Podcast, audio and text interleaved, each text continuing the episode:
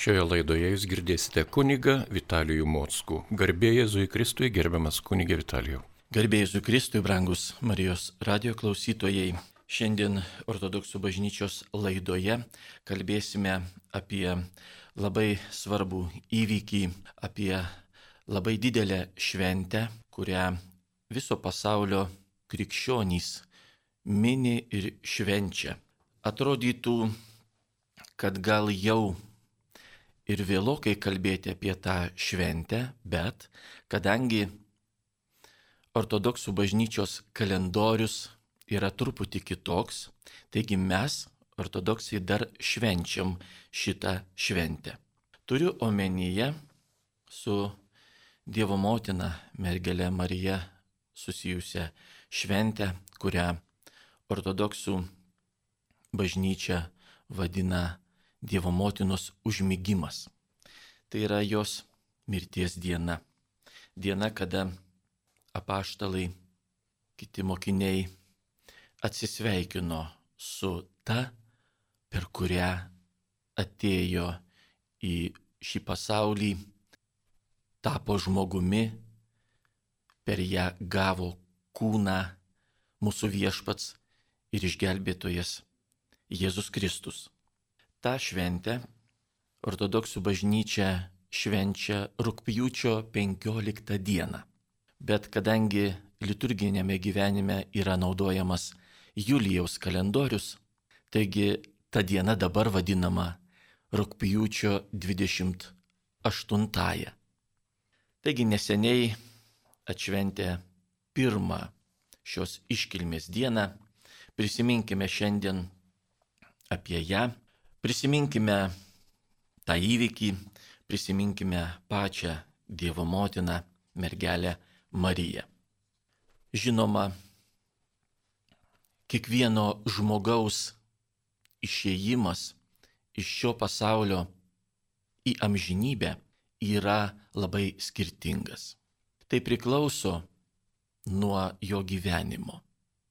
Ir mes žinome iš liturginio kalendoriaus, iš bažnyčios istorijos daugybę dienų, daugybę atvejų, kada švenčiame kankinių minėjimus, kankinių dienas ir dažniausiai tai būna jų mirties diena.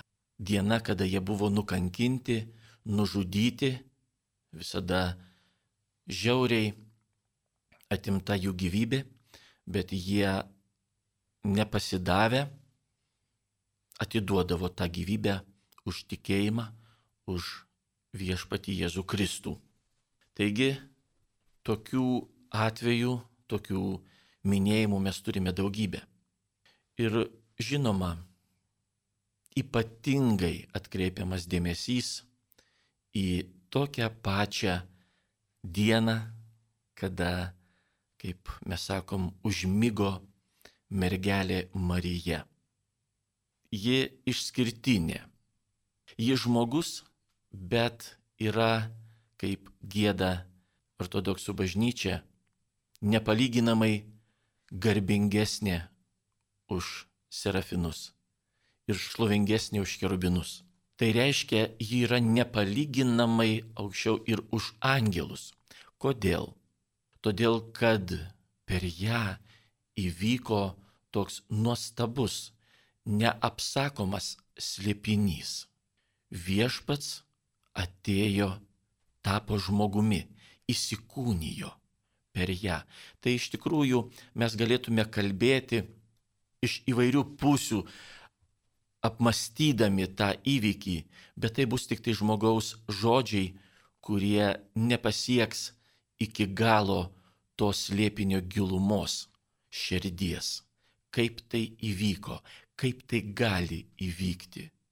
Tai yra toks didis slėpinys, toks nuostabus įvykis ir stebuklas, kurio tikrai mes apsakyti negalim ir turbūt visą laiką, kiek mes čia žemėje, žmonija gyvens, apie tai kalbės ir iki galo taip ir neiškalbės.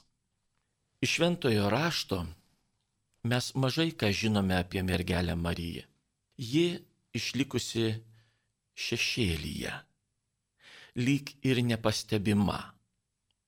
Ji ir pati nesiveržė į priekį visų, ji liko tyli maldoje visą savo gyvenimą. Ir žinoma, apie jos išėjimą, apie jos užmygimą mes nedaug ką žinome. Bažnyčios tradicija yra išsaugojusi tą pasakojimą, tą istoriją apie tai, jog sugrįžusi neužilgo iki savo mirties vėl gyventi į Jeruzalę, o prieš tai ji kartu su apaštalu Jonu gyveno Efeze. Jis sužinojo, kaip bažnyčios tradicija mus moko iš arkangelo Gabrieliaus apie tai, jog po trijų dienų ji išeis iš šio pasaulio. Ji ruošiasi tam, ji žinoma visą savo gyvenimo Jeruzalėje laiką lankėsi tose vietose susijusiose su jos sūnumi, mūsų viešpačiu Jėzumi Kristumi. Tose vietose, kur jis pats lankėsi, kur jisai numirė ant kryžiaus, kur jisai buvo palaidotas ir kur prisikėlė.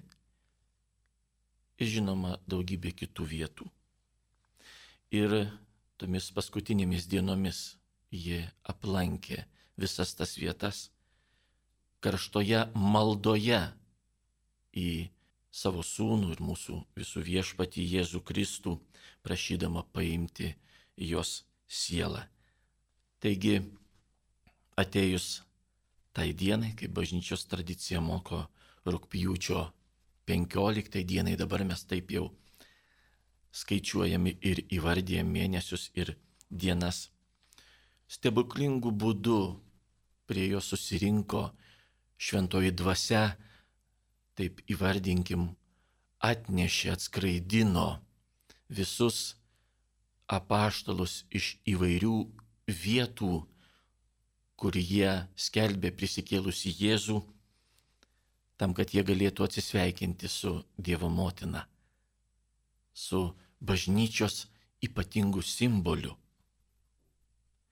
Susirinkę apaštalai palaidojo mergelę Mariją Getsemanės sode. Toje vietoje, kur palaidoti jos tėvai, Joakimas ir Ona. Toje vietoje, kur palaidotas ir jos sužadėtinis Juozapas.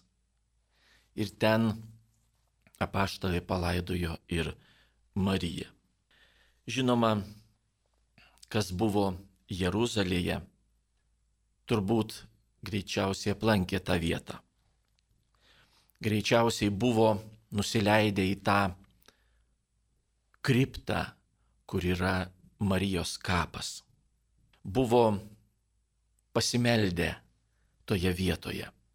Ir pastebėjo, o žinoma jau ir prieš atvažiuodami žinojo, kad tas kapas yra tuščias mes tikime, kad Marija su kūnu yra paimta į dangų.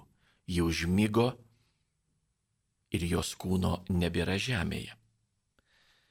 Yra išlikusi istorija apie tai, kaip penktojo amžiaus pirmoje pusėje, apie tai pasakoja šventas Jonas Damaskietis, gyvenęs VIII amžiuje. Jis pasakoja apie pamaldžią imperatorę Pulcheriją, kuri pastačiusi Konstantinopolyje keletą bažnyčių Marijos garbiai, panoro vienoje iš jų padėti ir saugoti Marijos kūną arba dalį kūno, dalį palaikų. Ir kreipėsi dėl to į Jeruzalės tuometinį patriarchą Juvenalijų. Bet patriarchas atsakė jai, kad jos noras negali būti įvykdytas niekada, kadangi bažnyčios tradicija išsaugojo faktą, jog mergelės Marijos kūno žemėje nebėra. Liko tik tai audinys arba dalis to savano, į kurį buvo Marijos kūnas suviniotas. Ir jisai perdavė šitą laidotuvių atributą, į kurį yra viniojamas mirusio žmogaus kūnas, o taigi ir Dievo motinos Marijos kūnas buvo suviniotas ir jis buvo saugomas vienoje iš Konstantinopolio bažnyčių. Taigi mes tikime, kad Marijos kūno žemėje nebėra. Kadagi užmygo, kadagi numirė mergelė Marija? Tais laikais, kada galima buvo fiksuoti krikščionys to nepadarė tiksliai, kadangi tais laikais buvo visai kitur nukreiptos mintys. Bažnyčia buvo persekiojama, reikėjo išgyventi, reikėjo liudyti prisikėlusi Kristų ir savo gyvenimo kainą. Taigi tik tai aprimus persekiojimams pradėta mąstyti apie tuos įvykius, kasgi buvo tada Naujojo testamento laikais.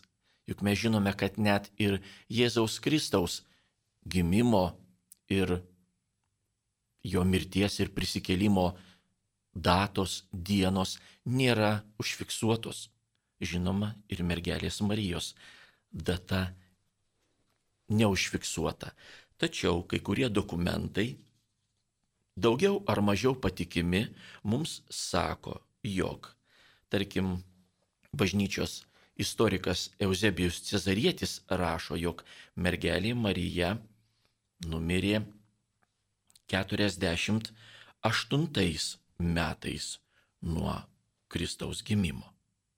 Ipolitas Romietis rašo, jog 43 metais.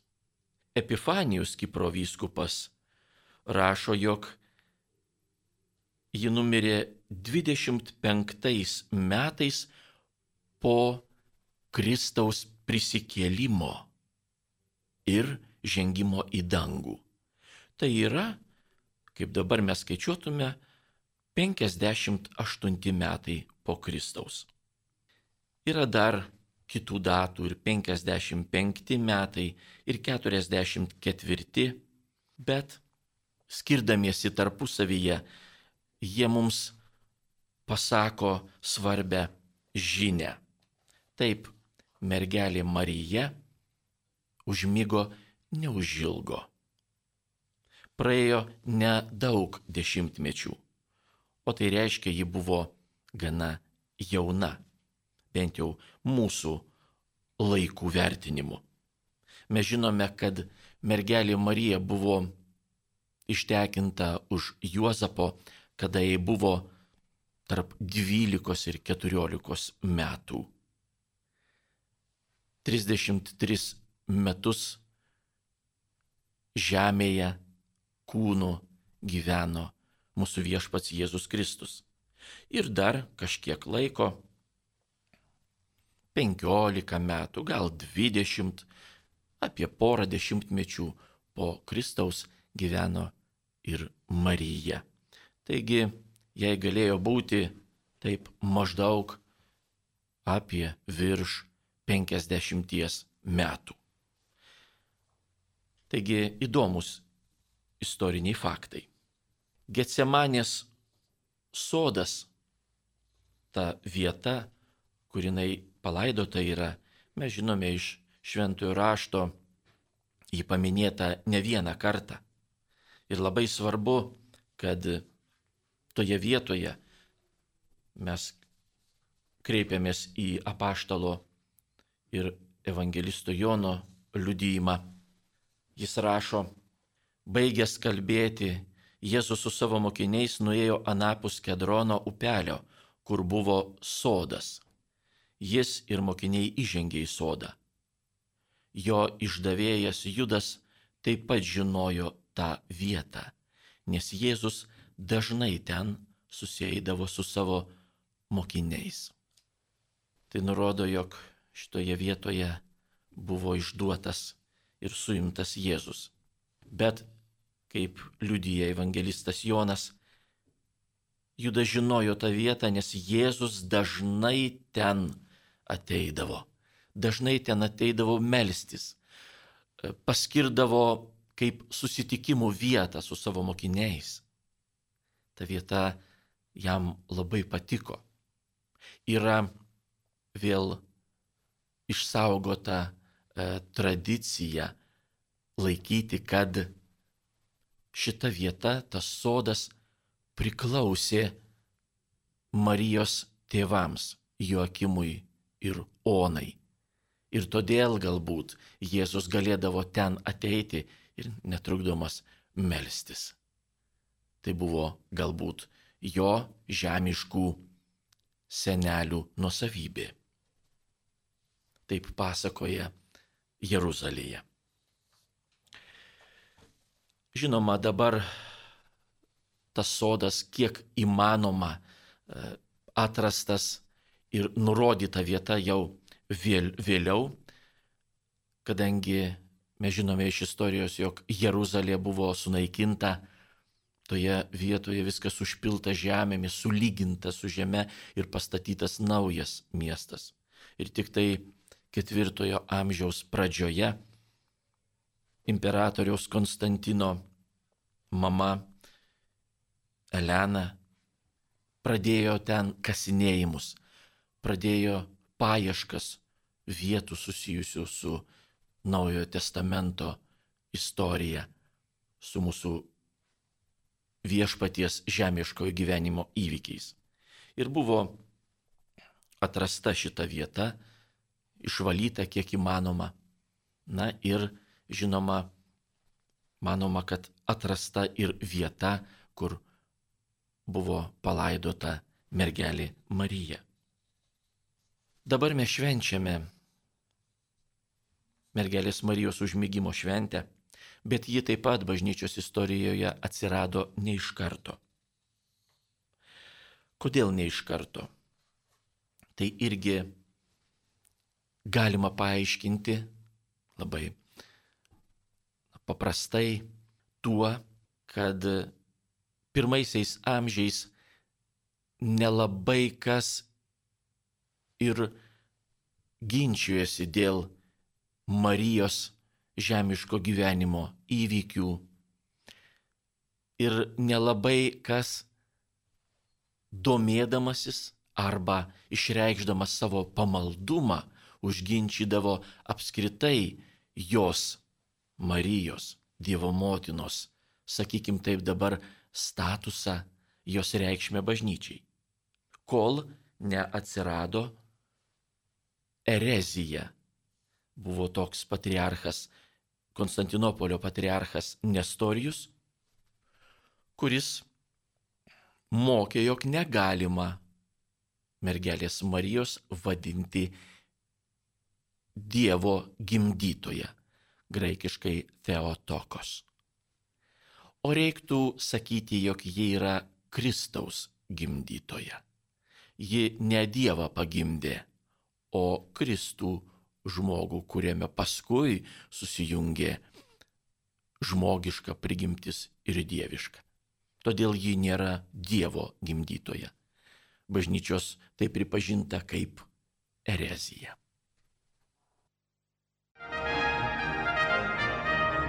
Jūs girdite Marijos radiją.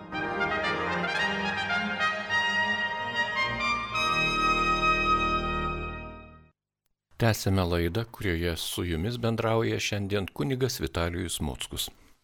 Ir štai girdėdami apie tokį neteisingą mokymą apie mergelę Mariją, krikščionys pradėjo reaguoti. Ir tada atkreiptas dėmesys į Mariją.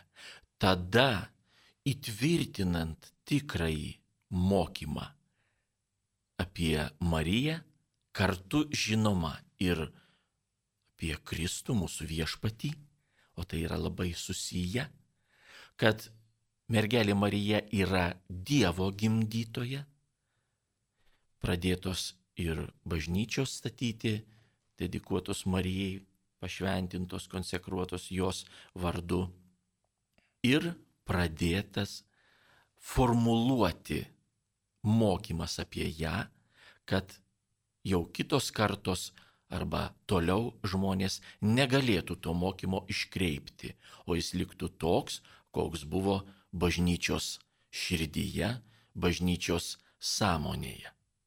Taigi tada ir pradėta galvoti, o kaipgi mes galėtume įtvirtinant šitą mokymą, kurį dabar jau yra žmonių, kurie nepripažįsta, kurie moko kitaip, kaipgi mes įtvirtinant šitą mokymą, bažnyčios požiūrį į mergelę Mariją galėtume tai išreikšti.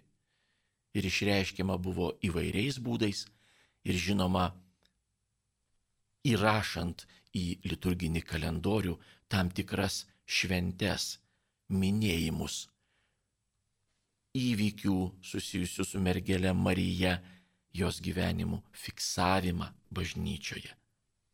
Taigi tada ir pradėta galvoti apie minėjimą jos ir gimimo ir žinoma užmygimo arba mirties dieną.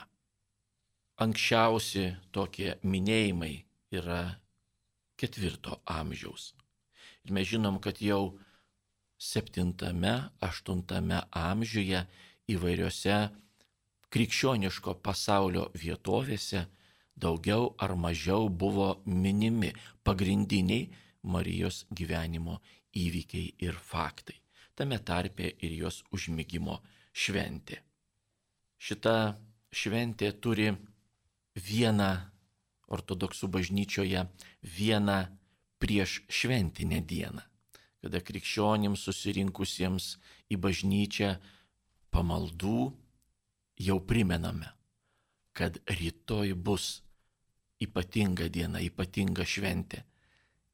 Primenama per giesmes, per mintis ten išreikštas, ruoškimės, rytoj jau švesim. Ir žinoma, jau 28 rūpjūčio išvakarėse, kaip visada tradiciškai ortodoksų bažnyčioje pradedame švesti išvakarėse, jau prasideda iškilmingos pamaldos. Bet ta prieš šventinė diena yra toks jau paskutinis priminimas, kad jau rytoj švenčiam. O ruošiamės šitai šventijai ortodoksų bažnyčioje dviejų savaičių ypatingų pasninkų, kurį ortodoksų bažnyčia, dar anksčiau buvo vadinama rytų bažnyčia, buvo perėmusi iš vakarų bažnyčios, iš Romos bažnyčios. Rytuose buvo iš pradžių vienas, paskui du ir galiausiai trys pasninkai, daugiadieniai Tai yra prieš Velykas, gavėnę, prieš Kalėdas, ortodoksų bažnyčioje 40 dienų dabar pasninkas ir ruošiamės pasninku, taip pat ypatingai apaštalų Petro ir Povilo arba Pauliaus šventijai. Tas pasninkas gali būti įvairaus didumo ilgio nuo pusantros iki šešių savaičių priklausomai nuo to, anksčiau ar vėliau buvo Velykos. O štai vakaruose buvo keturi pasninkai, kurie, kaip sako istoriniai dokumentai, pašventindavo keturis metų laikus. Taigi pavasaris Velykomis, Velykų pasiruošimo pasninkų, žiema Kalėdų, vasara Petro ir Povilo apaštalų, o štai rudenį kaip pasitikti. Ir štai iš vakarų bažnyčios maždaug šeštame, septintame amžiuje jau pradeda praktikuotis ir pasninkas tas ketvirtas rudeniop, kuris liaudiškai kalbant pašventina ir rudenį tą metą. Ir dabar mes jį vadinam mergelės Marijos pasninku. Jis trunka lygiai dvi savaitės, prasideda rūpjūčio 14 dieną ir baigėsi rūpjūčio 27 dieną, nes 28 diena jau šventinė diena. Taigi toks ypatingas pasiruošimas šitai Marijos šventijai. Ir žinoma, po tos dienos, po rūpjūčio 28 arba rūpjūčio 15 pagal Julijaus kalendorių, dar ta šventė nesibaigė. Ji baigėsi rugsėjo 5 dieną, kaip mes dabar ją įvardyjam. O tai reiškia, kad šita šventė turi tiek pat po šventinių dienų, kad galėtume įsijausti, kad galėtume džiaugtis tą šventę tuo įvykiu, kiek turi pačios didžiausios viešpaties šventės. Tai yra Kalėdos, viešpaties krikštas ir kai kurios kitos. Reiškia, šita Marijos šventė yra prilyginama didžiosioms viešpaties šventėms. Štai kaip bažnyčia įvardyja šitą šventę, šitą įvykį. Dar liaudyje galima išgirsti vadinant e, tą šventę, tą iškilmę vasaros Velykomis. Taigi keletą kartų esu minėjęs šioje laidoje Marijos užmygimas arba Marijos mirtis. Taigi krikščionims ta šventė primena apie ėjimą pas viešpatį, apie mūsų žemiško gyvenimo pabaigą. Bet ta pabaiga krikščioniui yra ypatingas metas, ypatingas momentas. Ir vėl kalbėdamas apie tokį atrodytų liūdną įvykį, prisiminkim, kada mes lydim savo artimą žmogų, savo kaimyną, savo bendradarbį, užbaigusi šio gyvenimo kelionę laidotuvių metu prie kapo dobės. Dažnai dauguma žmonių verkia, kiti gal ir neišlėja tos kūniškos ašaros, bet širdis suspausta ir mums ir skauda, ir liūdna. O štai kalbėdami apie kankinių minėjimus, Kaip sakiau, tai dažniausiai būna jų mirties diena. Ir lygiai taip pat minėdami Marijos užmygimo arba mirties dieną, mes susitikę bažnyčioje ar kur kitur sveikiname vienas kitą su švente, su džiaugsmu tokiu. Kaip galima tai susijęti tarpusavį? Kodėl šitaip mes sveikinam, o neliūdim tą dieną, kodėl ta diena mums nėra gedulo diena, kas būtų logiška. Gedulo diena, vėliavos su juodais kaspinais, mes liūdim, nes praradom, mes liūdim, nes to žmogaus jau daugiau nebebus su mumis. Tačiau žiūrint krikščioniškai, mes neprarandam. Jeigu žiūrėti iš amžinybės perspektyvos, tai žmogus baigia tik tai šio gyvenimo kelionę. Kaip ir viešpats yra mums sakęs, aš su jumis per visus amžius iki pabaigos. Kiek čia žemė, ši žemė egzistuos, kiek mūsų laikai dar bus ir mes skaičiuosim tą laiką viešpats su mumis. Jis gyvas, Dievas negali būti miręs. Lygiai taip pat gyva ir mergelė Marija lygiai taip pat gyvi ir tie kankiniai, tie šventieji, kuriuos mes minime ištisus metus. Lygiai taip pat gyvi tie mūsų artimieji draugai ir bendradarbiai, kuriuos mes palydėjom ir dabar jau nebemato mūsų kūniškom akim.